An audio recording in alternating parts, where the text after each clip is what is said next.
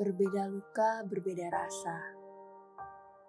Namun, menjadi kembali baik-baik saja adalah keharusan yang perlu dicoba. Sebab patah untuk menjadi pulih, dan pulih untuk menjadi tumbuh.